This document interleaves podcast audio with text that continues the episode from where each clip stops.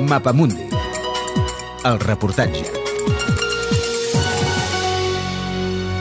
Cap a on va l'AFD? Alternativa per Alemanya va néixer fa tot just sis anys. La crisi de l'euro va acompanyar la seva fundació. De fet, el discurs en contra de finançar els països del sud d'Europa i a favor d'acabar amb la moneda única europea va formar part de la primera gran campanya electoral de l'AFD. Corria l'any 2013. Frank Christian Hansel, cap parlamentari de l'AFD al Senat de Berlín. El liderazgo del partido quiere dejar claro que somos un partido de centro de derecha hacia derecha. Queremos hacer Alemania fit para el futuro una, un país que tiene fronteras, un país que está abierto al mundo, pero controla quién entra al país. No queremos una migración masiva ilegal, como lo vemos, porque el estado de bienestar que tenemos que financiar va a colapsar.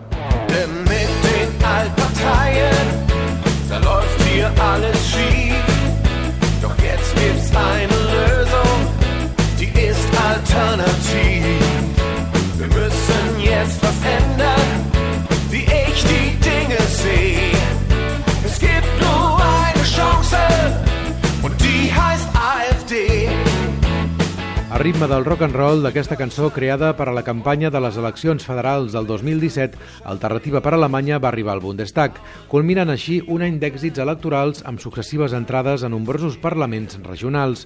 El missatge, l'establishment, és a dir, els partits de tota la vida, han perdut el control de la situació. En el seu poc temps d'existència, Alternativa per Alemanya és el partit amb més enemics i també el més amenaçat. De fet, els seus locals són els que acumulen més atacs entre tots els partits amb representació parlamentària a Alemanya.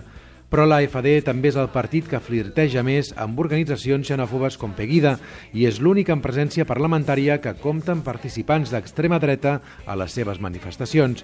La cúpula actual del partit i, sobretot, els seus líders emergents, com és el cas del propi Frank Christian Hansel, reconeixen que els cal un rentat d'imatge per a desfer-se d'etiquetes incòmodes. En el moment tenemos una corriente de saneamiento interno, digamos, y estamos poniendo claro cuál es la línea pragmática y programática del partido partido.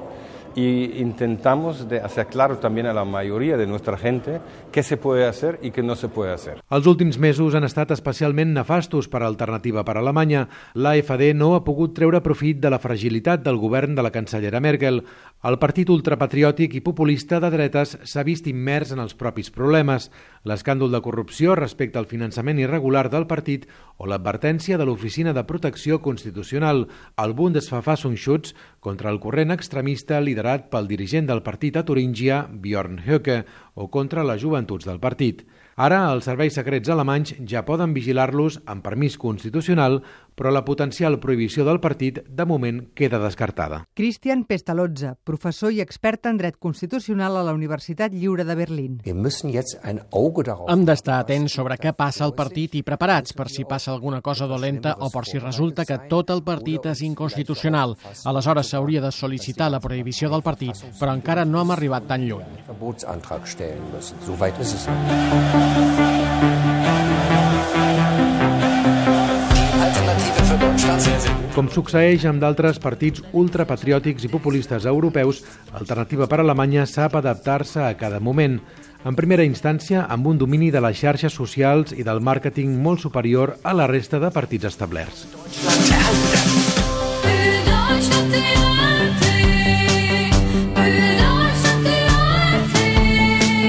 Rock and roll, música electrònica, el que faci falta. Alternativa per Alemanya mira de no tancar-se portes. No és casualitat que el nostre entrevistat sigui homosexual. La capacitat de transformació de l'AFD és sorprenent. A nivell internacional, el partit també té les seves connexions i predileccions. Per exemple, amb qui s'identifiquen en el cas d'Espanya? Yo había pensado hace algunos años cuando empezamos algo como ciudadanos, porque era un movimiento nuevo, pragmático, burgués, y ahí mm, veía a nosotros, pero resurgió ahora recientemente también el partido Vox, que está también enfrentando temas como la eh, migración masiva que también tocó España, más com lo hacemos nosotros. Els canvis en política migratòria respecte als refugiats han servit a la cancellera Merkel i als seus socis socialdemòcrates per frenar la fuita de vots a favor de l'AFD.